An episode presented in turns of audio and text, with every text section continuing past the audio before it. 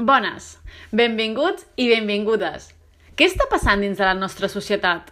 Assetjament a l'escola primària entre els nens i les nenes cap a les persones menstruants? Mestres que no deixen anar al lavabo en hores de classe, incrementant el risc d'infeccions entre les persones menstruants? Ausència i culpabilitat davant la mort? Vergonya, fàstic, dolor físic? Estem parlant de cicle menstrual i avortament. Pel que ens han explicat, creiem que ciclar, tenir el cicle menstrual, pot acabar en embaràs o menstruació. Però oblidem que l'avort espontani o voluntari forma moltes vegades part d'aquest cicle. Però comencem pel principi. Què és el cicle menstrual? És el cicle biològic, emocional i espiritual que experimentem les dones o persones menstruants en períodes aproximadament de 25 a 35 dies. És a dir, són els successos i les fases per arribar a tenir la regla. La regla està embarassada o avortar. Són tres possibilitats igual de vàlides. No obstant, no es parla de les tres per igual. Per què? I per què ho hauríem de fer? Avortar és un procés complex, sobretot pel tabú en què insistim que visqui. Si poguéssim parlar d'ell, el viuríem en llibertat. Hi hauria professionals més preparats, pràctiques més segures, eines més adequades i una millor gestió emocional, ja que la culpabilitat i la vergonya que porta la clandestinitat i la societat en què vivim desapareixerien.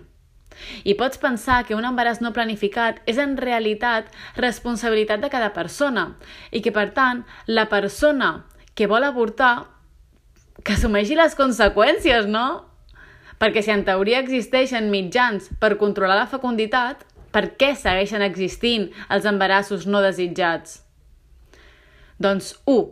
Perquè les dones i les parelles desitgen menys fills que els que naturalment resulten d'una vida sexual activa. 2.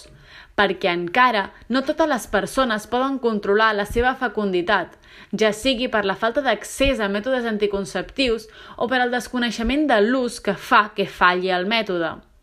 3 perquè existeixen relacions sexuals que no són voluntàries ni desitjades. I 4.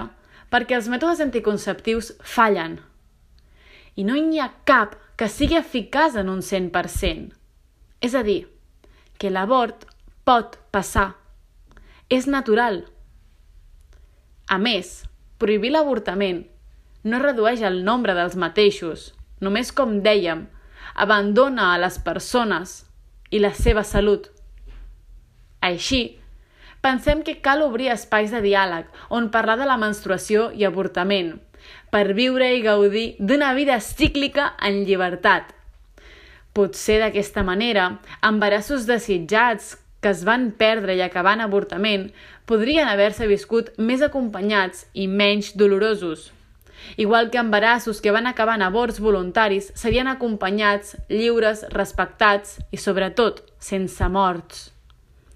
En propers episodis parlarem d'altres tabús que ens afecten. Donem visibilitat.